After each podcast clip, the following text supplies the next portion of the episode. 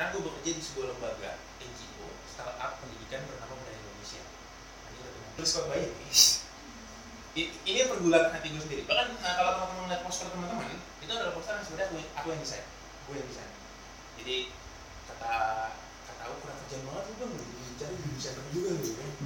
Apa nah ketika gue lagi nulis khotbah ini gue menyadari bahwa ada loh yang lagi sedang terbang untuk di PhD loh gue ada juga yang lagi terbang buat bulan dan gue juga yang sekedar lagi liburan ke Tokyo. Yang mereka loh Ah, nanti gue bakal di paling ending gue udah nyiapin ah, singkatan buat NKCTHI tapi udah tidak semua ya. Tapi nanti. Ketika gue, lagi nyiapin khotbah ini gue sendiri ngerasa bahwa banyak banget orang-orang lain yang kayak hidupnya jauh lebih tinggi dibanding gue yang sedang hal- hal- hal-hal hidupnya dia. Sedangkan tujuan gue aja belum tiba sih dia. Dan gue cuma bisa diam melihat mereka yang sedang terbang tinggi. Ya.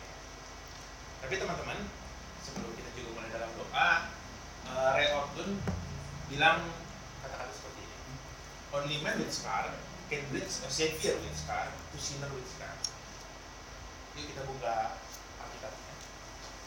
Ini acara perkantas gitu kita lihat dari dua satu Korintus 2 ayat 1 sampai 5 aku baca ya Demikian pula ketika aku datang kepadamu saudara-saudara, aku tidak datang dengan kata-kata indah dan dengan hikmat untuk menyampaikan kesaksian Allah kepada kamu.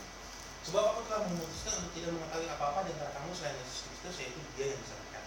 Aku juga telah datang kepadamu dalam kelemahan dan dan dengan sangat takut dan gentar. Baik perkataanku maupun pemberitaanku tidak kusampaikan dengan kata-kata hikmat yang meyakinkan, tetapi dengan keyakinan akan kekuatan roh. Supaya iman kamu jangan bergantung pada manusia, tapi kepada kekuatan Allah.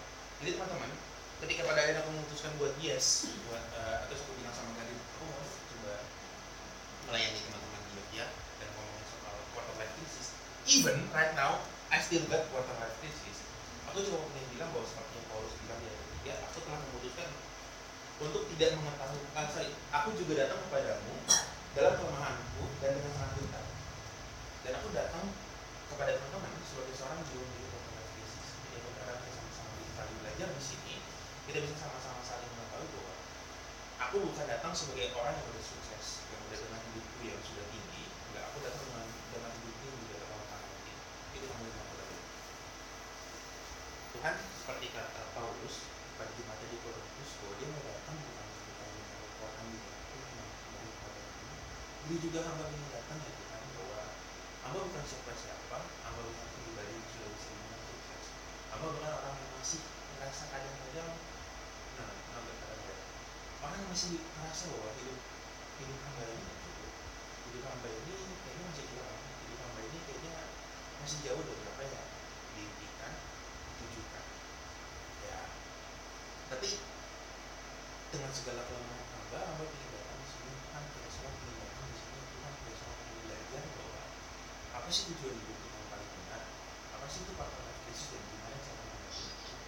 Bahwa kita semua adalah orang-orang yang mungkin punya impian masing-masing yang punya tujuannya masing-masing tapi sama-sama menyatu jadi bagi kami Tuhan bahwa mungkin yang kami Tuhan ini yang kami Tuhan ibadah pagi ini terima kasih Tuhan dunia ini emang ngajak kita untuk merasa gagal dan rusak. Semuanya itu didesain sama dunia ini bahwa dengan berbagai standar sosial yang dibuat untuk sekedar memberikan definisi apa itu berhasil dunia itu emang membuat membuat standar-standar seperti itu. Dunia ini ngebikin sebuah standar bahwa berhasil itu artinya sudah S2 di bawah umur 30 tahun. Berhasil itu kalau saya udah nikah di bawah umur 30 tahun misalnya. Berhasil itu kalau seandainya dia jawab iya kalau seandainya ngedoain tiga bulan aja nggak bisa Masalah ada loh yang ngedoain satu tahun jadi kadang-kadang temen gue yang ngedoain seseorang satu tahun coba bilang tuh cil handphone kamu doain orang ya pokoknya dunia ini dunia ini datang dengan standar-standar sosialnya yang memberikan definisi apa itu berhasil buat kita. Berhasil itu kalau misalnya kita udah CPNS PNS berhasil itu kalau misalnya buat anak-anak Jakarta misalnya aku S1 ku di UNJ berhasil itu buat kami anak-anak perkantas eh anak-anak eh, PMK UNJ adalah kalau misalnya bisa ngajar setelah lulus ngajarnya itu di PK atau di Menabur Jakarta itu adalah definisi sukses yang yang selalu dibikin dan selalu dibuat sama dunia ini. Dan kalau misalnya kita nggak mencapai that bar kita ngerasa bahwa diri kita gagal. Dan Tirto Tirto memberikan sebuah uh, jawaban yang cukup unik buatku adalah quarter life crisis itu adalah benturan antara cita-cita dan kenyataan membuat kaum muda mengalami krisis. Jadi benturan antara cita-cita cita-cita aku tuh A, B, C, E, F, G lalu kenyataannya bahwa aku cuma bisa dapat sampai A dan B atau kadang-kadang A-nya itu A minus misalnya aku mau kerja di perusahaan uh, desain grafis dapat sih di kerjaan desain grafis tapi desain grafisnya bukan aku mau tapi desain grafis ini A-nya dan kalau seandainya Tirto bilangnya bahwa pemicu krisisnya itu adalah perubahan tekanan dari masa transisi remaja ke dewasa kesadaran tidak punya tujuan hidup atau tujuannya tidak realistis begitu memasuki usia dewasa. Banyaknya pilihan tersedia hingga nggak tahu menentukan mana yang tepat. Terus sumber-sumber kegalauan itu biasanya keuangan, tekan untuk menikah dan punya anak sebelum 30 tahun, harapan dan perubahan dalam karir. Ya, itu kayak hal-hal yang bikin quarter life crisis itu ada. Ini kan gitu. Namun buatku pribadi, quarter life crisis itu hadir karena kita lebih sering membandingkan dan mencoba mengais validasi jadi buat tuh quarter life crisis itu kadang-kadang terlalu sering membandingkan dan mencoba mengais validasi mengais validasi itu ada yang ayo. Ayo deh sebagai penggemar ini dia mengais validasi itu apa mbak Grace? Validasi itu apa? Pengakuan. Mengais. Jadi kita tuh mencari pengakuan dari orang lain bahwa kita tuh sudah nyampe taraf A kita udah nyampe taraf B kita udah nyampe taraf C. Dan ketika pengakuan itu belum bisa didapetin sama kita kita ngerasa jadi kita tapi life crisis jadi kadang-kadang buat aku pribadi quarter life crisis itu lebih banyak hadirnya karena kita membandingin diri kita dengan orang lain yang pertama. Yang kedua adalah ketika kita nggak puas sama yang kita punya dan kita ingin dianggap kita ingin dianggap sesuatu yang lebih tinggi lagi dari yang kita udah ada. Gitu. misalnya Evan merasa bahwa dia nggak puas sebagai ketua wakil. Dia ingin dianggapnya itu sebagai sekjen di kantor misalnya. Nggak dapat standar itu gitu kan. Dia ngalamin buat terlihat Jesus Baik, apa sebentar? ya kan kaca, nah, iya gue banyak ambil dari situ ya udahlah. Memangnya apa sih yang kita kejar? Lagi pula memangnya kenapa kalau saya memang kita gagal dalam pengejaran kita? Ini dua pertanyaan paling pertama sebelum kita banyak banget ke dalam. Tenang, uh, PowerPoint itu sedikit kok, selain cuma sekitar 71 ikan kaca dan kalau sekedar gagal, bukankah Alkitab juga berisikan banyak orang harus melewati pintu bernama kegagalan? Dan satu orang mungkin bisa baca satu Raja-Raja 18 ayat 3. 17 ayat 3.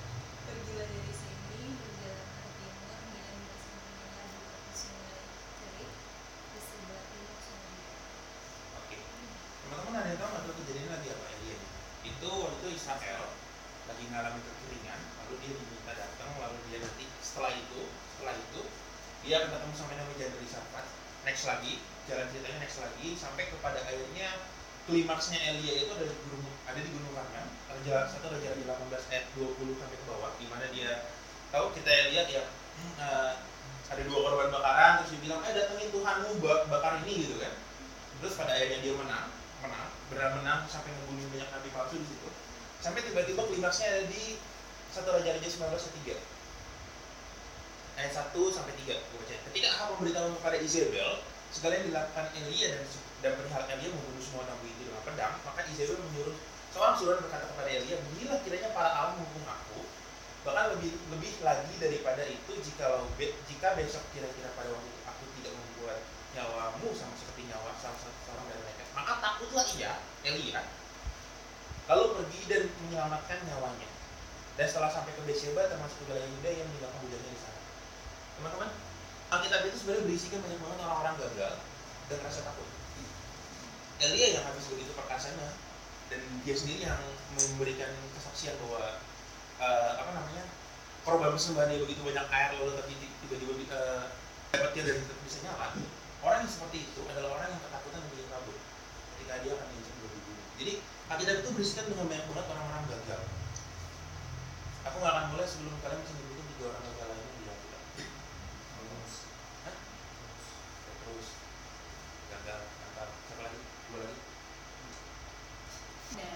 Daud. Satu lagi? Bisa. Abraham? Bahkan gagal. Percaya sama Tuhan ngaku uh, Sarah sebagai istrinya misalnya eh sebagai adiknya. Banyak banget orang-orang gagal karena gagal kita jadi sebenarnya kalau seandainya emang kita sekedar gagal banyak orang-orang yang kita juga gagal. Jadi embrace your weakness. Nah tapi yang akan jadi sebuah pokok pembahasanku pada malam ini secara inti adalah gimana bila seandainya Tuhan menulis cerita yang berbeda dari kita gimana kalau seandainya Tuhan menulis jalan cerita hidup kita itu berbeda dari yang kita inginkan? Ini yang akan kita reakan secara pelan-pelan. Apakah kita perlu menjalani jalan yang kita tidak inginkan? Gimana kalau Tuhan tuh manggil aku bukan menjadi seorang guru tapi menjadi seorang dosen misalnya? Ya gitu atau lebih jauh lah. Gimana kalau seandainya Tuhan memanggilku menjadi seorang akuntan padahal aku jurusan itu adalah dari misalnya ada loh jadi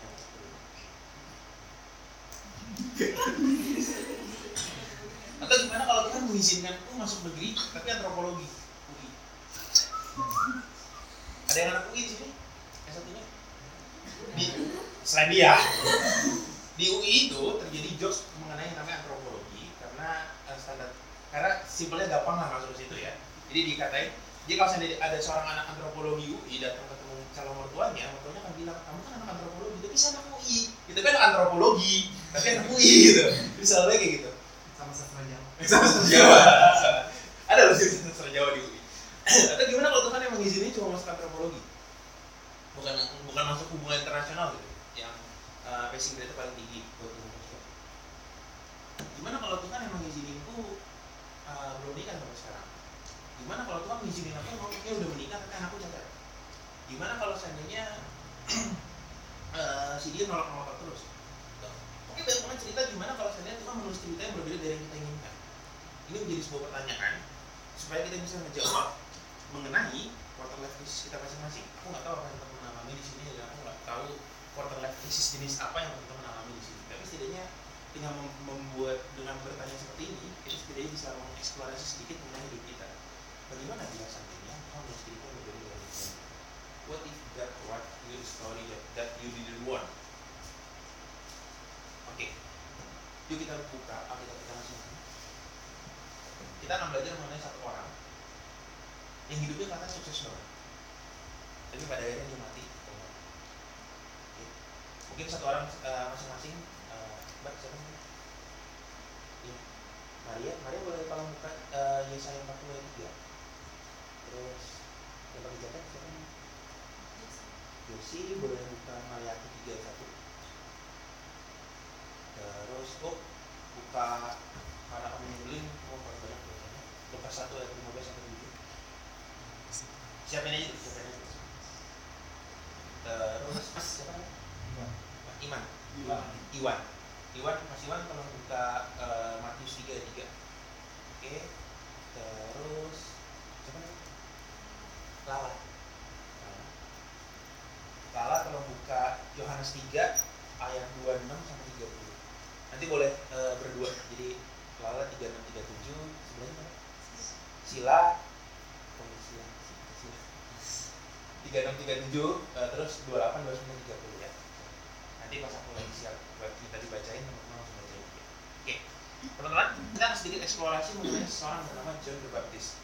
Bahasa Indonesia nya Oke, kita akan membahas soal orang yang sebenarnya no kalau sukses. Teman-teman, Yohanes Pembaptis itu datang dengan uh, antisipasi yang lebih besar. Dia sudah di dia, dia adalah pribadi yang datang dan kedatangannya itu sudah disiap, disiapkan dari sejauh hari. Oke, yang dari saya Pak Boy,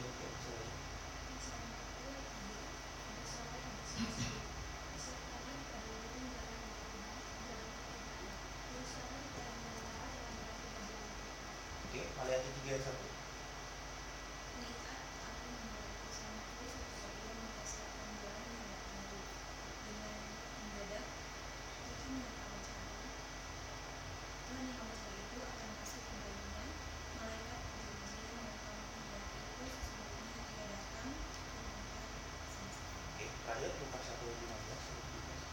sebab ia akan besar di hadapan Tuhan dan ia tidak akan minum anggur atau minuman keras dan ia akan penuh dengan roh kudus mulai dari tahun ibunya.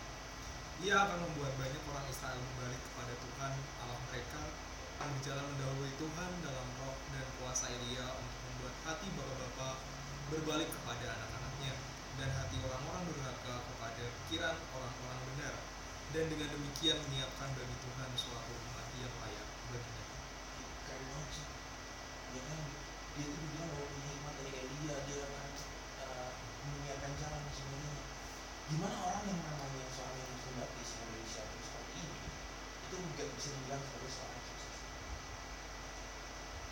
oke pertama dia mendapatkan kesuksesan uh, banyak banget murid-muridnya itu ada datang ke dia sampai ke tiba-tiba Tuhan datang dibaptis dan banyak yang pindah kalau saya ada di Matius 3 dari siapa yang bisa baca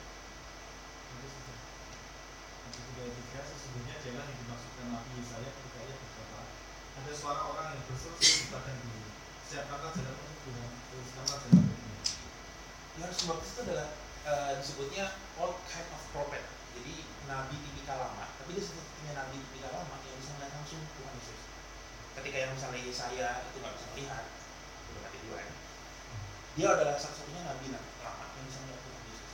Dan bahkan berbaptis Tuhan Yesus. Jadi gimana yang namanya orang sekeren ini gitu yang sudah dari awal udah dibilang bahkan uh, mempersiapkan jalan dan sebagainya itu nggak nggak aku menyebutnya dia adalah orang yang sukses. Sama sekali nggak sukses secara dunia. I must increase John was in prison just a few months after Jesus began his public ministry. Setelah itu setelah yang namanya Tuhan Yesus melakukan ministrinya dia di uh, penjara God amplified this word from the prayer. Your kingdom come, your will be done. Jesus was not focused on his kingdom, he was focused on the kingdom of God. He didn't try to expand his ministry or influence, he was content to go where God has called him. He didn't feel slightly that his popularity was wanted. He rejoiced that Christ's famous preaching in every case just subordinate his ego and his plan to God. Jadi seorang seperti yang namanya Yohanes Pembaptis itu adalah orang yang gagal secara duniawi. Dia orang yang naik, nanjak dengan segala hal yang dia punya, pengikut yang dia punya, terus tiba-tiba dia jatuh turun dan mati, kepala dipenggal, dihadapi. Kayak cuma karena seorang. Rabes. Tapi di tengah hidup John yang dismissing and fading away, this is one immerse that must pay less and less attention to John. Some of his disciples, bahkan seperti Andrew, left him to follow Jesus. When his ministry overlapped with Jesus, then disciple not. Jadi, mau siapa? Ayo. Dan berkata kepadanya, Rabbi, orang yang bersama dengan engkau di seberang sungai Yordan dan yang tentang dia engkau telah memberi kesaksian, dia membaptis juga dan semua orang pergi kepadanya. Jawab Yohanes, tidak ada seorang pun yang dapat mengambil sesuatu bagi dirinya, ketika mereka kepada dari surga. Kamu sendiri dapat memberi kesaksian bahwa aku bukan Mesias, aku diutus untuk menjadi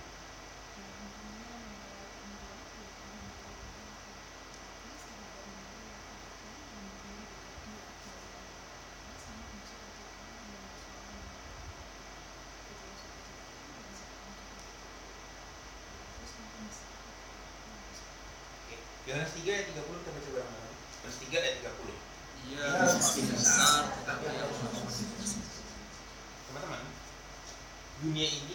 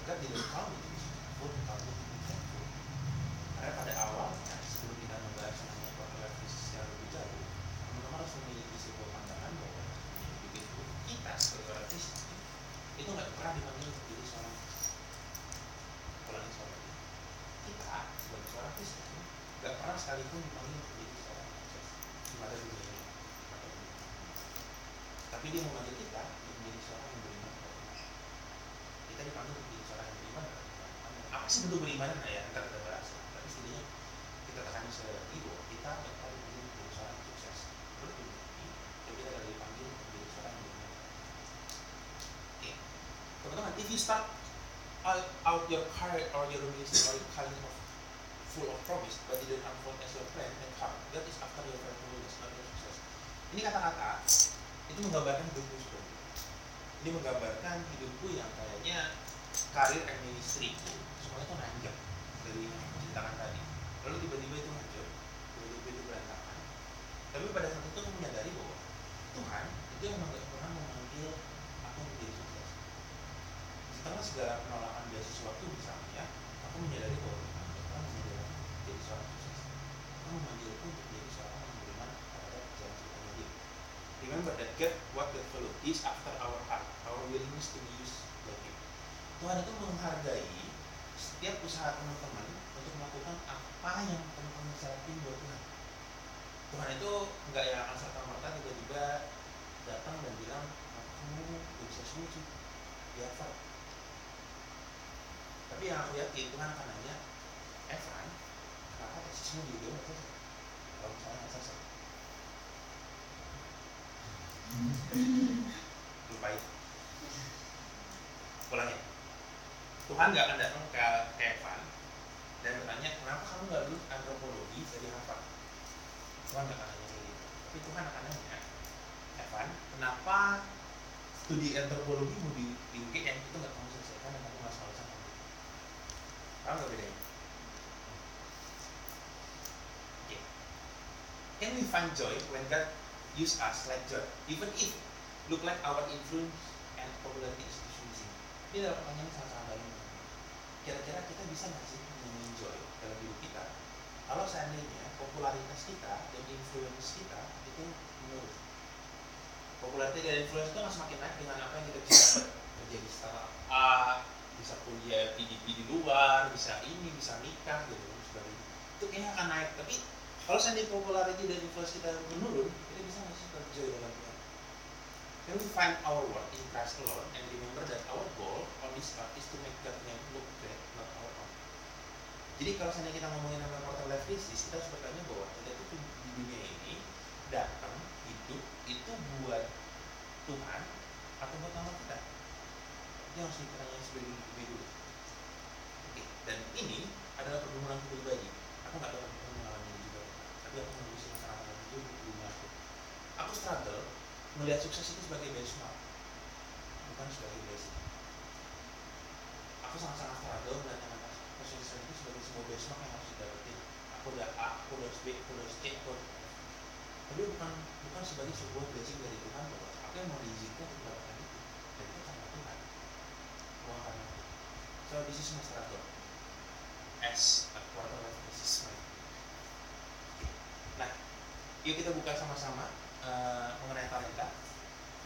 Oke, kita buka dari Matius 25 ayat yang ke-14 hingga 23.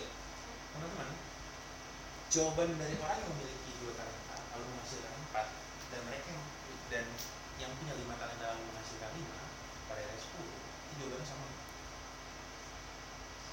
Jawabannya sama. Sama-sama baik sekali perbuatanmu. Eh, you done well, my good faithful servant. Hai hambaku yang dan setia, setia memang- memikul tanggung jawab yang berat dalam perkara kecil atau memikul tanggung perkara dalam jawab yang besar. Tapi saya ingat dunia ini menganggap itu nggak cukup. Ketika kita mempunyai dua talenta lalu kita menghasilkan empat, dunia ini akan mem- memojokkan kita dengan bilang bahwa si, si dia berhasil mempunyai lima dan menghasilkan sepuluh. Dunia ini akan bilang bahwa eh, kamu harusnya ngasihinnya 10 juga buat ngalahin yang dari awal punyanya 5 paham gak maksud gue? jadi dunia ini tuh pinginnya bahwa kalau misalnya kita punya dua kita harus bisa ngasilin 10 artinya kita menghasilkan 8 dari modal 2 sedangkan dari awal ada yang punya 5 lalu ngasih 5 dunia itu memaksa kita dengan talenta-talenta kita dengan kemampuan. Dan aku menyebut talenta itu gak cuma sekedar soal talent you can play a guitar no, no, no. but I, I call talent is as, as something that you got right now and what you can do right now. Sebagai apa kamu? Sebagai sebagai pekerjaanmu sebagai mahasiswa sebagai apa itu adalah talentamu pada saat ini. Nah dunia ini memaksa bahwa ketika misalnya aku diberikan sebuah talenta itu misalnya bisa berkuliah S2 di STM Jakarta dunia ini memaksa bahwa kamu kamu gagal karena kamu dari awal cuma bisa dapetnya STM Jakarta kamu nggak bisa mendapatkan di di Harvard. Bahkan ketika misalnya aku sudah menjalankan talentaku dengan baik lalu menghasilkan empat dari STD lalu menjadi dosen dan ketika menjadi dosen aku bisa menghasilkan yang baik dunia akan tetap bilang kamu kalah sama dia dari awal sudah kuliahnya di Oxford lalu bisa menjadi dosen di UPH misalnya. Dunia itu selalu membandingkan dengan apa yang dari awal nggak kita punya tapi seperti dunia ini kayak memaksa bahwa kita harus punya itu. Dunia itu. Du- dunia selalu memaksa seperti itu. Sedangkan kalau seandainya kita back to the Bible Tuhan nggak pernah itu. Yang Tuhan mau adalah kita mengerjakan apa yang baik apa yang kita nggak nah apa yang yang Tuhan punya sekarang dan kita kan memang sekarang tidak berlari tanpa tujuan setiap kali sebulan yang dua yang bisa baca satu orang sembilan ayat dua Sebab itu aku tidak berlari tanpa tujuan, dan aku bukan petinju yang sembarangan saja yang datang. Nah, pertanyaan dari teman-teman, eh, pertanyaan yang pasti akan sel- eh, muncul sama teman-teman buatku sekarang adalah kalau begitu cara, gimana dengan tujuan-tujuan hidup gue? Gimana dengan tujuan-tujuan hidup gue yang sudah gue catat? Kalau itu gimana dengan segala harapan yang gue catat? Gimana dengan segala cita-cita yang mau dikejar? Dan kalau seandainya itu gagal, gimana? kalau kata yang diceritain, karena nggak semua harus ada jawabannya sekarang. Tapi yang ingin gue bilang adalah gini, God may be silent, but He is working in our waiting. Kita buka uh, Hebrew, kita buka dari Ibrani 11. Buka dari Ibrani 11 ayat 19. Eh, tapi kita baca dari 17 sampai 20. Silakan ada yang bisa baca. Oh, sorry, ayat 17 sampai 19. Karena iman, maka Abraham tatkala ia dicobai mempersembahkan Ishak. Ia yang telah menerima janji itu dalam mempersembahkan anaknya yang tunggal. Walaupun kepadanya telah dikatakan, keturunan yang berasal dari Ishaklah yang akan disebut keturunannya. Karena ia berpikir bahwa Allah berkuasa membangkitkan orang-orang sekalipun dari antara orang mati. Dan dari sana ia seakan-akan telah menerimanya kembali. Oke, teman-teman, eh, apa yang hebat dari Abraham? Menurut teman-teman? Dia disebut bapak orang beriman. Tapi kira-kira, kenapa kira-kira dia disebut sebagai bapak orang beriman? itu um, bukan kepada pada jaminannya itu yang doang tapi kepada siapa yang jaminan itu Karena Bukan- harus dosa. Ya. Iya. Jadi apa yang keren dari Abraham buatku adalah dia tidak berpegang pada janji janji Tuhan, tapi dia berpegang kepada Tuhan itu sendiri. Jadi dia berpegang yang memberikan janji. Dia nggak berpegang pada janjinya, eh, bentuk janjinya, tapi dia memberikan dirinya kepada lebih kepada sesuatu yang lebih tinggi lagi, yaitu si pemberi janji. The unwelcome gift of waiting. Aku menyebutnya ini. The waiting is not just about what I get at the end of the wait, but about who I become as. Teman-teman, ketika kita sedang mencoba mengejar cita-cita kita, kita sedang mengejar impian-impian kita dan pada dan mungkin ada momen di mana kita sedang masih disuruh menunggu sama jawaban-jawaban itu. Sebenarnya jawabannya udah ada, yaitu adalah bukan cuma sekedar kita menjadi apa ketika kita mendapatkan jawaban janji eh, yang kita kejar, tapi adalah kita menjadi apa selama kita menunggu dalam dalam proses dan aku mengalami ini adalah ketika aku misalnya eh, mencoba untuk mencari S2 beasiswa aku yang di mana aku saat aku diterima di, eh, di dalam negeri aku menjadi seseorang yang berbeda ketika masa pencarian awal yaitu dengan IELTS ku kalau aku mencari dengan segala hal yang aku banggakan kemarin aku bahwa aku adalah orang yang udah eh, aku tulis A B C buat politik Indonesia sudah berhasil ketemu A B C. Terus aku datang aku adalah orang yang akan dapat terus dalam masa-masa itu aku ditolak ditolak ditolak ditolak ditolak ditolak ditolak akhirnya berhasil. Ketika berhasil aku udah jadi orang yang berbeda. Aku adalah jadi orang ya Tuhan beasiswa ini dan aku maksudnya so it's something different it's like different kind of me seseorang yang lagi datangnya seperti dengan kesombongan lalu tiba-tiba keluar menjadi seorang yang begitu rendah hati Tuhan jadi dalam unwelcome gift of waiting adalah kita menjadi apa ketika sudah menunggu. Nah, aku mau nanya satu hal sama teman-teman. Menurut teman-teman, kenapa kita Ayub atau Mazmur 88 itu ada di dalam kita? Ada yang bisa tanya Mazmur 88, coba gue baca deh. Ini Mazmur, yang kalau kalian teman-teman baca Mazmur kiri kanannya, ini adalah Mazmur yang sangat-sangat aneh. Karena kata-katanya penuh dengan sarkas kepada Tuhan. Misalnya, aku tertekan oleh panas Mazmur kamu ayat ke-8 dan segala pecahan ombak yang kau tinggikan kepadaku. Telah kau jatuhkan kenalan-kenalanku daripadaku dan telah kau buat aku menjadi kekejian bagi mereka dan aku tertahan yang tidak Tuhan. Mataku merana karena sesara, aku telah berseru kepadamu ya Tuhan sepanjang hari telah mengeluarkan tangan, tanganmu kepadamu. Apakah yang kau lakukan keajaiban bagi orang-orang mati? Masakan arwah bagi untuk bersyukur kepadamu? Ini adalah Mazmur sarkas adanya dengan bilang bahwa lihat nih Tuhan itu begitu begitu gagal sebagai seorang manusia. Kalau teman-teman bingungin siapa ini tuh eh, nyanyiannya Heman. Heman itu adalah seorang pem- pemain kecapi. Nanti ada di kita belajar itu. Terus habis itu dia jadi setelah dia nulis ini bertahun-tahun kemudian pada akhirnya dia berhasil menjadi seorang yang cukup dikenal. Nah, tapi sebelum dia menjadi seorang yang cukup dikenal, dia begitu marah sama Tuhan. Tuhan ya, kayak dia begitu kecewa sama Tuhan Mazmur ini. Nah, tapi pertanyaanku teman-teman, kenapa Mazmur ini dari yang kita? Kenapa Mazmur yang perlu sindiran ini adalah kita? Kalau kita ngeliat Mazmur-Mazmur lain itu semuanya kayak penuh pujian gitu. Eh, Tuhan adalah pembalaku, bla bla bla bla. Terus tiba-tiba ada Mazmur yang bilang, masa sih orang mati yang harus nyembahmu? Nah, Kenapa kira-kira menurut teman-teman Mazmur ini ada di Alkitab? Oke. saya sih mikirnya Alkitab kan buku pedoman hidup ya Kan hidup kan yang hanya selalu senang jadi pada susahnya apa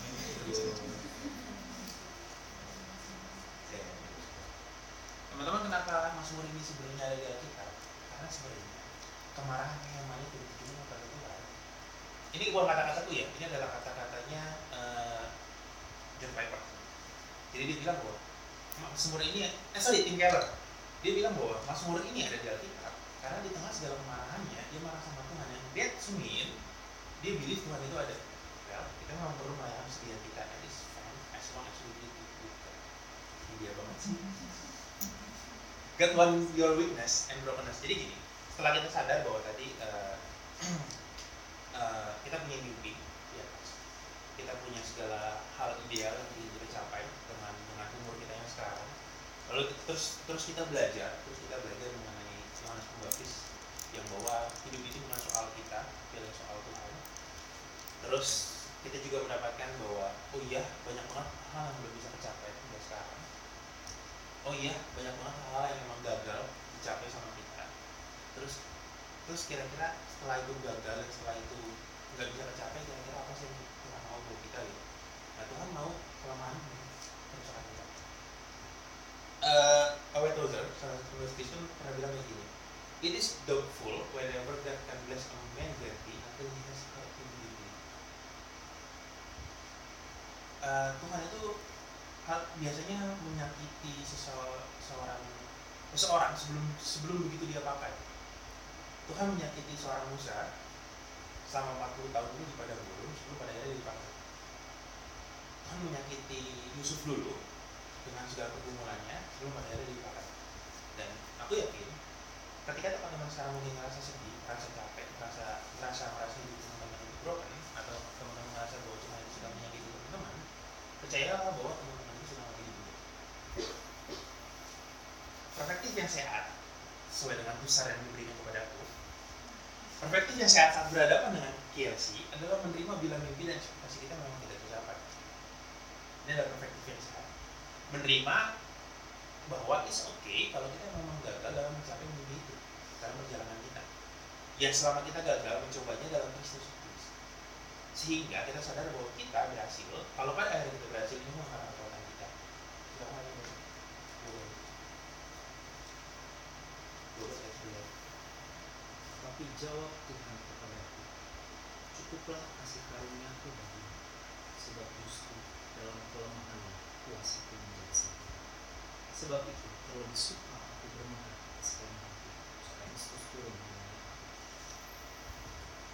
teman-teman jadi ketika kita menghadapi PLC adalah kita menyadari bahwa oke it's okay kita terima itu.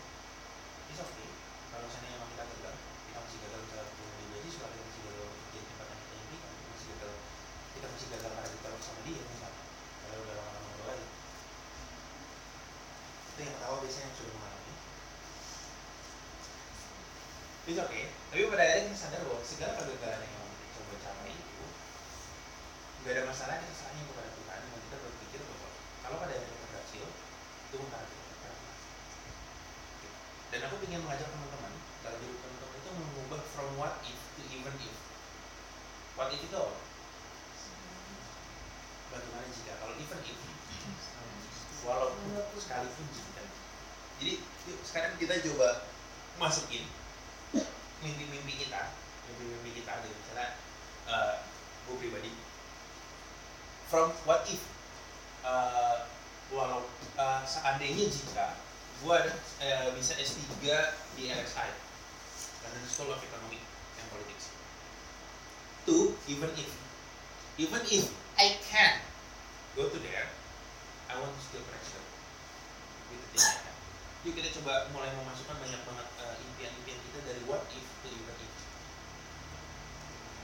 Seandainya gua bisa kerja di tempat A dan sebagai A, jadi walaupun gua nggak bisa kerja di tempat A atau walaupun gua udah kerja di tempat A, tapi nggak bisa jadi A, menjalani. So we change many things from what if to even if. And remember, we are explorers. No soldier get claims in civilian pursuit, pursuit since his aim to please the one who enlists him. Jadi kalau seandainya aku terjemahin bebas dalam bahasa Inggris yang ini NIV adalah nggak ada yang namanya soldier uh, prajurit yang enclave apa uh, entangled entangled itu uh, apa terikat dengan civilian pursuit. Jadi dengan uh, hal duniawi yang dia bisa kejar. Di mana-mana nama prajurit itu pasti akan mengikuti apa yang komandannya mau. Nggak ada prajurit yang uh, mengejar apa yang dia mau itu bukan namanya nah sama. Dia trooper kalau misalnya kita kita trooper no I don't say that this is the empire of the galaxy. Oke tapi what, what, what, I want to say is uh, kita sebagai prajurit dari dia adalah kita berarti harusnya memfokuskan diri kita pada Tuhan dan untuk melayani Tuhan. As simple as that. Nah iya dunia ini memang memberikan banyak banget celah untuk melihat kesalahan dan kegagalan kita. The world expect us to be perfect but God doesn't ini yang harus teman-teman pahami bahwa dunia menginginkan kita menjadi seorang yang sempurna physically or mentally or whatever it is tapi sebenarnya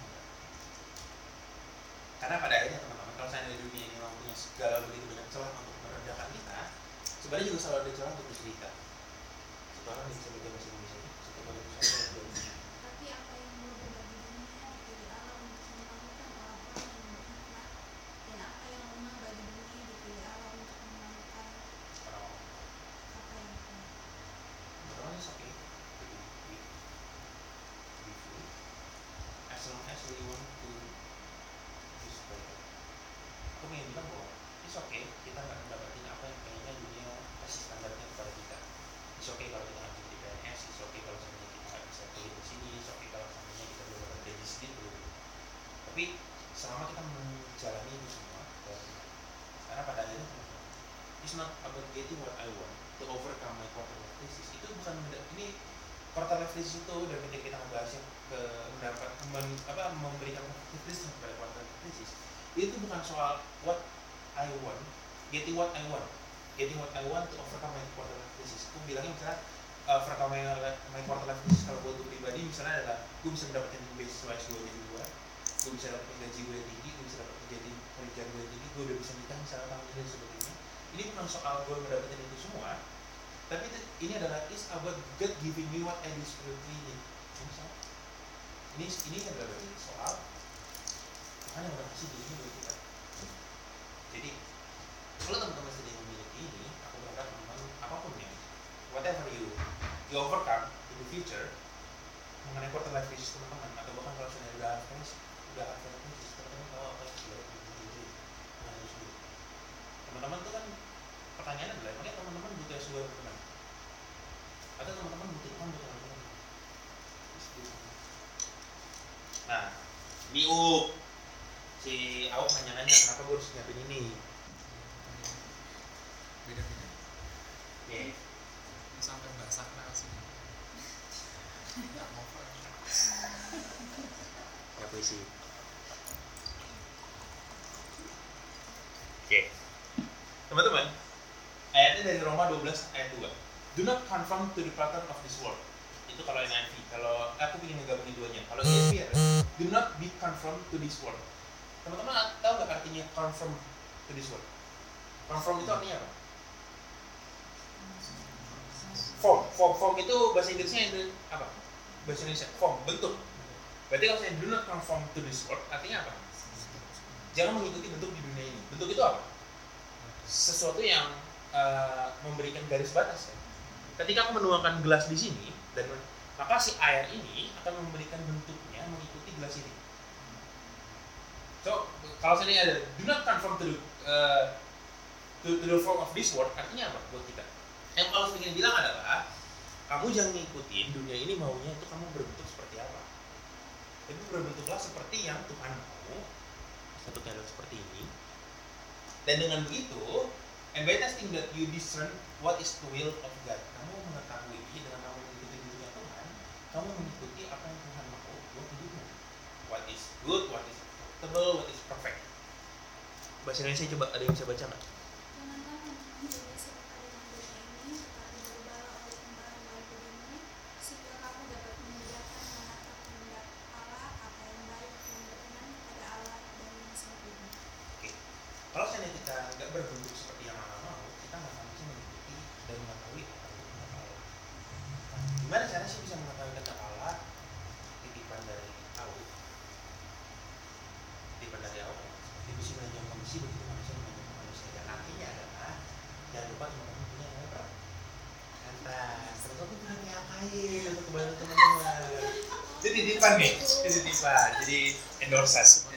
Teman-teman tuh punya kayu untuk membantu teman-teman dan dan eh, membentuk teman-teman. Nah, kenapa? Kenapa PHK itu penting? PHK itu penting. Ini agak mahal ya masih dosennya. Penjelasannya bagus. Nah, karena berdasarkan komunikasi tepat itu PHKY, kita akan ingatkan bahwa tujuan kita naik ke atas itu untuk mempersiapkan yang lain juga naik ke atas. Bukan supaya kita nyaman lihat yang lain masih di bawah. Kita naik ke atas. Terima kasih Richard saya. Sama-sama mas, mas ketua. Jadi dengan dengan komunitas yang tepat, dengan komunitas yang tepat, teman-teman bisa bisa mengetahui bahwa teman-teman seharusnya seperti apa dan berlaku seperti apa. Kalau teman-teman nggak datang ke komunitas ini, teman-teman nggak tahu asal quarter life crisis ya. Keren banget tahu. Oke. Nah, sebelum kita lanjut ke ini, eh, aku bikinin sedikit how to plan your life or at least live with the life you got. Aku mau nanya satu-satu. Hidup itu bukan untuk saling mendahului, tapi untuk Hidup itu bukan untuk saling mendahului. Iya banget sih mbak. Tapi untuk saling membantu saling ber. Iya nggak apa-apa. Oke. Berat nih, berat. berjalan bersama Hah? berjalan bersama Oh untuk saling berjalan bersama, saling membantu, melengkapi, bergandengan, saling mendoakan, saling merangkul. Mbak, apa itu? Saling mengasihi belum? Oke. Mbak, saling menguatkan, saling menerima, menerima apa? Saling apa? Saling support. Sampai jatuh. Dorong ngejorokinya. Udah. Membangun. Mas, saling mendampingi. Ini desperate banget nih guys. Tawa nih. Udah. Dia bukan untuk saling mendahului, tapi untuk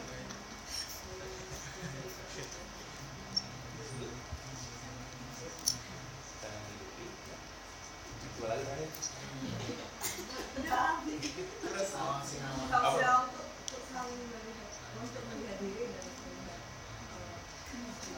Mau bahasa umum. kasih Oke, teman-teman. Eh, ini life planningnya agak mendadak sih. Tapi aku coba coba bikin gimana caranya aku membuat life planning buat diriku sendiri. At least. Aku nggak tahu ini cocok buat teman-teman atau enggak. Tapi semoga ini bisa membantu teman-teman. Ya. Nanti versi ini sebenarnya nanti akan aku jadikan PDF untuk untuk bagian ini dan aku kasih pengurus dan nanti pengurus bisa kirim ke WhatsApp teman-teman. Tapi yang pertama adalah kalau teman-teman punya handphone atau punya pertama adalah teman-teman bisa nulis dulu. Yang pertama adalah what the purpose of your life? The purpose of your life is like a mission. What is your mission? Aku ngasih contohnya gini. Nih nih nih semuanya cross contoh. The purpose of my life is I want to serve God in education. It's like the mission of my life. Oke yang kedua adalah Yang kedua adalah what all the thing you got in your hand, like your talent, what you do right now, what kind of job you have, what salary you got, everything, everything, the thing that you got in your hand right now. Yang kedua, all the thing you, I got right now, magister student.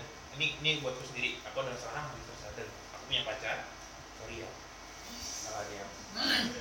I got job education, education based startup. Semua yang aku punya, aku tulis. Setidaknya. Jadi ini uh, ini akan jadi pergumulan yang. Maksudnya uh, pembelajaran yang cukup panjang buat teman-teman. Maksudnya nggak perlu di, dikelari malam ini, teman-teman bisa ngelakuin sendiri aja di luar setelah pulang. Selanjutnya adalah write all your dream, what you want to achieve. I got master degree in Birmingham, then PhD in LSI. I want to marry this year. Okay, everything, everything you want, everything uh, become your dream. Semuanya ditulis. Oke. Selanjutnya, then try to merge all the thing you got with all your dreams. Jadi uh, digabungin antara apa yang kamu punya saat ini, apa yang lagi kamu punya saat ini tangan, dengan dream-dream kamu. Jadi itu digabungin, digabungin, digabungin. Uh, tapi dipindah, dipindah, dipindah ke box namanya bilangnya the goals of my life, my objective.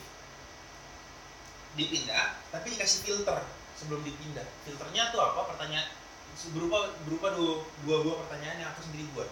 Dan ini sangat-sangat membantu buat aku pribadi. If I don't get this, will I angry to God? Pertanyaan pertama. Kalau saya nggak dapetin ini, aku bakal marah atau enggak? Pertanyaan kedua adalah, ini buat Tuhan atau buat masukin dan setelah itu semua, aku dapetin the goal of my life. My objective is become lecturer in UNJ. Ini ceritanya. Nah, setelah itu, after that, become the lecturer in UNJ itu menjadi dua bagian, yaitu the things I can do right now and the things I can do in the future. What I can do right now, finish my magister, love my thesis. Ini beneran serius, love my thesis. Mbak, teman-teman, maklumin lah. Aku kuliah itu filsafat, Mbak. Apa kabar tesisku gitu? Ya gitu. Oke. And the thing I can do in the future, William IELTS, find scholarship for my PhD dan lain-lain. Nah, ini bagian ini, bagian ini bisa banget dibagi jadi banyak lagi. Misalnya dibagi untuk yang tahun ini, untuk yang lima tahun ke depan, untuk yang sepuluh tahun ke depan. Tapi setidaknya dengan menggunakan filter ini, menggunakan filter uh, if I don't get this, I will angry to God, or what is what is this for me or for God, aku tuh bisa ini kan impianku seperti sebenarnya gini impianku adalah aku ingin masih kepingin sampai detik ini itu berusaha dapetin sebuah master degree di Birmingham University yang jurusan nama jurusannya adalah uh, religion, politics and culture. Itu jurusan kataku pas banget. Dan aku masih berharap aku bisa dapetin itu. Tapi setidaknya setelah proses proses uh, aku namanya project life it's like you alive with your life.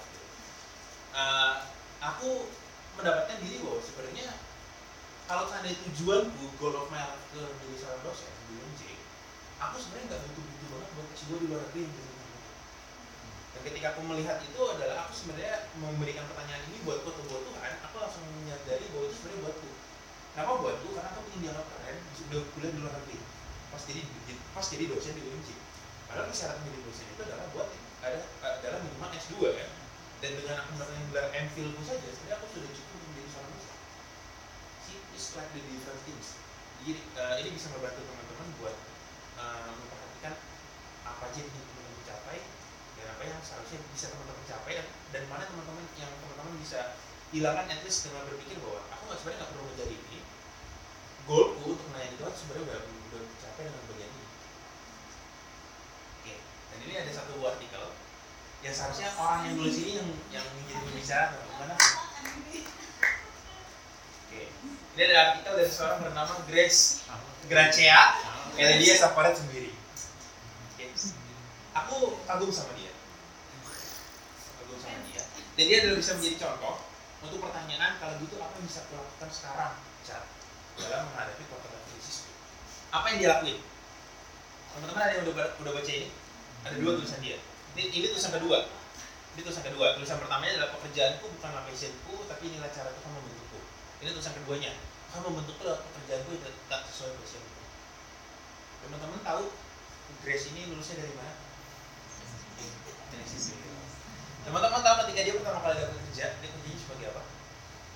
Dia, dia kerja sebagai apa? Dia kerja sebagai akuntan. Ngurusin keuangan.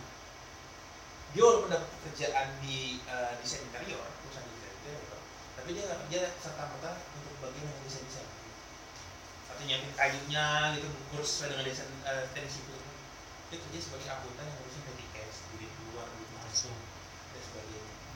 Ya. terus apa yang dilakuin setelah mendapatkan pekerjaan itu nggak apa. Terus apa yang si Mbak Grace ini Mbak Grace ini lakuin? Dengan pekerjaan yang dia nggak suka itu Hah? Kerja. Dikerjain sampai pada akhirnya di tulis yang kedua ini dia memiliki pekerjaan yang meningkat itu diberikan kesempatan buat memberikan sebuah proyek. Nah apa yang bisa kita pelajari dari seorang yang ini? Ya kayaknya orangnya begitu uh, kudus banget gitu. Seorang yang begitu desperate sama hidupnya ini ini eh, penggambaran mengenai Grace itu adalah penggambaran penggambaran mengenai kita mengenai kerjakan apa yang ada di tangan. Grace itu mengerjakan apa yang ada di tangan dia. Di, di- dia nggak serta merta karena nggak mendapatkan pekerjaan sesuai dengan passionnya atau apa yang dia mau dia tinggal yang kerjaan itu atau dia kerjain itu dengan senang hati. Nah sama. Sekarang itu kita sudah memiliki apa pun yang di tangan teman-teman. Aku nggak tahu apa yang di tangan mungkin ada yang lagi S2 sekarang ada yang ada yang udah kerja ada yang udah ngajar ada yang udah eh, persiapan ikan dan lain-lain. Tapi yang pengen ku bilang adalah teman-teman kerjakan yang baik yang ada di tangan. Itu adalah cara menghidupi protokol krisis kita teman-teman. Tapi yang menjadi pertanyaan sih kalau pasti akan ada, pasti akan ada jadi satu pertanyaan. Terus kalau gitu apa artinya hidup kita itu adalah berpasrah doang? Nggak apa-apa nah aku pengen teman-teman membedain antara berusaha lalu gagal sama dari awal nggak berusaha terus gagal. Two different kind of thing. IELTS, aku mengakui bahwa IELTS aku dapat cuma dapat 5 itu bukan karena aku nggak bisa bisa mengatur bahasa Inggris tapi karena pada satu ujian aku game akhirnya aku dapat nilai 6 di IELTS dan karena IELTS 6 itu adalah satunya ngebikin aku minimal banget. Uh, beasiswa di luar itu biasanya minimal banget 6 6 itu aku cuma dapat 6 gitu. Jadi kayak mungkin mereka banyak menolak ya karena aku cuma dapat 6 harusnya minimal 6,5 jadi membedakan antara usaha yang bisa dikejar daripada akhirnya gagal emang karena Tuhan atau yang gagal karena kita. Dan aku sama-sama aku sama Mbak Grace kasih Mbak Kasih ya. Grace belum jawab ya Oke, I'm in I'm still in the middle of my story. Aku teman-teman masih dalam masih dalam cerita yang lagi duduk sama Tuhan. Dan aku yakin teman-teman juga masih dengan cerita masing-masing yang Tuhan lagi butuh buat diri teman-teman. Dan gak ada dari kita eh, kesenangan maupun kesusahan apa yang akan di depan. Aku nggak pernah tahu eh, ke depannya akan seperti apa dan menghadapi banyak hal seperti apa dan aku yakin teman-teman juga nggak ada yang tahu. Tapi at least kita tahu bahwa Tuhan itu bersama kita dan Tuhan membentuk dan merancang kita untuk menjadi seseorang, menjadi sesuatu. Ada yang bisa baca Mas Musa 33 ayat berapa? Mazmur 138 Tuhan akan menyelesaikannya bagiku Ya Tuhan kasih setiamu yang bersama orangnya Jangan aku tinggalkan perbuatan kalian Yang menyelesaikannya bagiku itu adalah kalau dalam bahasa Inggrisnya God will provide what He designed for me. Itu dalam bahasa Inggrisnya. God will provide what He designed for me. Tuhan akan memprovide desain-desain apa, cerita-cerita apa yang teman-teman harus hadapi dalam hidup ini. Oke, yang terakhir, soal itu berharap nanti kita bisa tentang depan kita. Menjadi kita hari ya, maksud gue adalah gini kita bisa ber- kita bisa cerita soal hasil iman kita adalah seperti ini. Oh iya aku punya iman bahwa aku eh, bahwa aku sudah bisa melewati banyak hal di masa lalu. Jadi mudah-mudahan di PAKY 10 tahun mendatang lalu di PAKY gitu kan ada Ereonia terus semuanya punya cerita masing-masing mengenai iman iman masing-masing. Oh iya aku sudah mem- memiliki perubahan seperti ini. Grace sudah bercerita bahwa oh iya aku sekarang memang sudah menjadi manajer tapi sebelum menjadi manajer us, siapa tahu lah. Sebelum menjadi manajer aku sudah dibentuk seperti ini dan melalui imanku jadi cita yang kita kan adalah cita tentang hasil iman kita oke masih ada waktu nggak buat ngobrol-ngobrol? Atau udah habis? Ada. Oke silakan teman-teman kalau ada yang mau cerita atau ada yang mau nanya sama aku pribadi. Iya. Kalau misalnya kan Chris, ini kan ini kan misalnya kita uh, kalau dalam bahasa aku ya ini adalah uh, kita tidak usah mendengarkan apa yang jadi uh, standar dunia gitu ya kita diproses kalau seandainya kita semua kan sudah ngerti nih tapi kan kadang kalau misalnya di dalam dunia ini kita hidup dengan keluarga gitu ya. Kan hidup dengan keluarga. Terus uh, sebagai seorang anak nih ya harus patuh ke orang tua. Yakin orang tua itu kan sebenarnya punya mimpi. katakanlah mimpi atau standar untuk anaknya. Ya. katakanlah katakan misalnya saya sudah punya saya sudah kerja nih misalkan. Saya saya menikmati itu.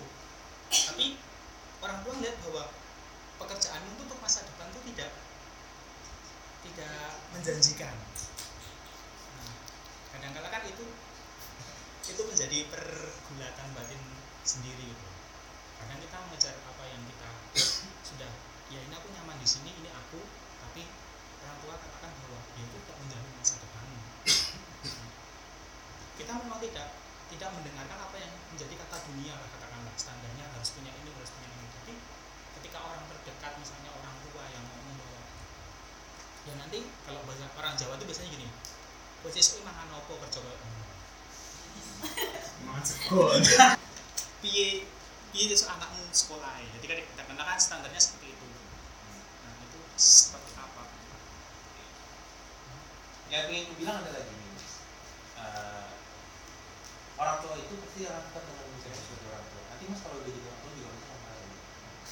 tapi yang perlu mas tekanin adalah kalau misalnya jadi orang tua sih jadi, orang tua adalah apakah anak itu menjalani pekerjaan kita itu sesuai dengan panggilan Tuhan dan itu adalah tugas mas dan yang cukup sulit untuk menjelaskan itu kepada orang tua. Berharap orang tua mas itu sudah seorang yang lahir baru dan bisa diajak ngomong seperti itu. Bahwa ma pak ini panggilanku untuk melayani di sini. Ini panggilanku untuk mengajar di sini. Ini panggilanku untuk tidak mengejar karirku sebagai PNS aku punya teman KTB namanya Bang Nedra Paringakoan dia dia dia sering jadi pembicara terus dia adalah seorang PNS pajak saat ini. Dia PNS pajak di Indonesia di Jakarta. Tapi sebelum dia ditempatin di Jakarta dia ditempatin di Papua. Dan ketika ditempatin di Papua selama dua tahun dia jatuh cinta sama Papua dan gereja menurut dia berantakan di Papua. Balik-balik dari Papua dia mau keluar dari pajaknya dia masuk STR STTRI dan jadi pendeta nanti di Papua. Orang tuanya batak kamu kamu kuliah? Dan dia, dan dia bilang bahwa eh, jadi pendeta itu bagus di orang Batak tapi jadi PNS itu jadi PNS itu lebih terhormat. Ya tapi dia tetap dengan pilihan dia. Dia bakal mencari seorang istri yang saat karena dia menikah seorang yang lulus kedokteran dari Australia yang belajar soal HIV AIDS yang karena menurut dia istri dia ini bisa ngebantu ketika melayani di Papua. Sebagai dengan bidangnya ini sebagai kesehatan dan HIV AIDS karena banyak yang kena HIV di Papua. Ya dia, dia tetap berpegang teguh dengan panggilan dia yang yang menurut dia itu mau panggilan dia. Dan dia bakal mencari cal- calon calon istri pada saat itu yang yang bisa menuruti panggilan dia. Begitu juga dengan teman-teman dan panggilan teman-teman. Kalau saya teman-teman sedang mencari jodoh carilah logikanya seperti ini. Aku aku, aku pernah nulis kayak gini. Kalau teman-teman mau nyari kalau teman-teman dari awal udah dipanggil buat berenang carilah jodoh yang juga bisa berenang. Dan nggak takut air. Jangan sampai teman-teman dipanggil ngelakuin ngelakuin buat berenang sama Tuhan jodoh teman-teman tuh supaya naik gunung dan takut air. Nggak jalan nggak sejalan dengan visi misinya. Karena pernikahan itu kan nggak cuma sekedar soal enak-enak pernikahan itu adalah soal ngejalanin ngejalanin eh, panggilan Tuhan bersama-sama Tuhan manggil apa buatmu? Tuhan juga panggil apa buatmu? Sama itu semoga bisa ngejawab ya. Jadi saranku adalah ngejelasin baik-baik aja. Dan eh, maksudku ketika mas bilang tadi harus menghormati dan sebagainya terus aku nanya emang benar? Karena dalam bahasa aslinya yaitu eh, ketika Tuhan memberikan apa namanya sepuluh perintah Allah hormatilah orang tuamu sebenarnya dalam bahasa aslinya itu adalah ketika umurmu sudah cukup. Itu dalam bahasanya bahasa aslinya jadi ketika misalnya mas sudah dalam umur yang sudah dewasa berarti umur cukup misalnya apa 18 atau ya sudah dianggap dewasa teman-teman sudah eh, mas sudah punya kehendak mas pribadi untuk menatap hidup mas. Aku juga dapat dapat dapat apa ya? Dapat dapat. Kebetulan orang tua kan tipikal bebas ya dengan pekerjaan yang aku kejar. Tapi ya waktu masuk kuliah dulu aku masuknya pendidikan IPS UNJ tapi ibuku sebenarnya pengen banget aku masuk ya tapi aku jarang aku panggilan buat pendidikan pada saat itu ya nah kan ada yang lain? Eh kalau nggak ada dan masih ada waktu mau nampilin video 10 menit bisa nggak bisa. Oke teman-teman aku nampilin sebuah video tapi emang dalam bahasa Inggris. Oke, aku akan menampilkan sebuah video bernama seseorang namanya Vanessa Randall Hesner. Dia adalah seorang yang eh, pada masa kecilnya kena penyakit polio dan harus mengalami sekitar be- beberapa kali operasi. Lalu setelah dia besar, setelah dia sembuh gitu ceritanya, ternyata ketika dia lagi besar dan dia lagi mengincar karirnya, dia udah jadi wanita karir lalu dia mengincar karirnya, tiba-tiba dia kena namanya post polio syndrome. Itu sindrom yang sangat jarang sebenarnya tapi untuk mereka yang pernah kena polio itu ada kemungkinan kena namanya post polio syndrome. Yaitu meng- mengalami gangguan fisik eh, otot secara pelan-pelan jadi misalnya dulu dia bisa nyuci dia bisa angkat barbel misalnya sekarang dia buat nyuci tangan aja udah susah nah di, di masa dia mengalami itu dia berhasil menulis sebuah buku namanya The Scar That Saved Me luka-luka yang membentukku nah ini adalah video pendek mengenai dia dan harap itu bisa memberikan inspirasi buat teman-teman. Buku ini bisa diunduh gratis di, di Sharingan secara gratis. The Scar That Have Saved Me. PDF-nya ada, tapi bisa kirim kau. Tapi emang ditulis pakai bahasa Jawa. Oh iya, terus jadi ketika dia dapat post polio syndrome, dia punya anak dua, cewek kecil. Eh, ketika dia kena post polio syndrome, dia tinggalin suaminya. Terus habis itu eh, anak ketiganya, anak ketiganya, anak ketiganya eh, meninggal setelah lahir beberapa hari setelah jadi dia udah mening anak ketiganya meninggal ditinggal suaminya jadi dia di momen itu dia benar-benar kayak mempertanyakan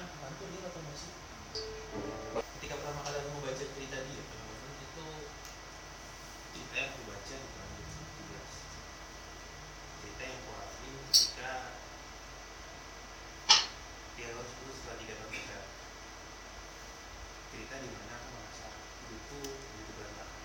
Dengan yang tidak berkembang dengan hidupku harus bisa mengoperasi dalam tiga tahun Nah, aku tertegun sama kata-kata dia bilang bahwa aku nggak mau menukar segala kesehatanku dengan apa pun. Karena segala permintaan itu membuatku lebih kenal sama Tuhan. Jadi aku nggak tahu apa yang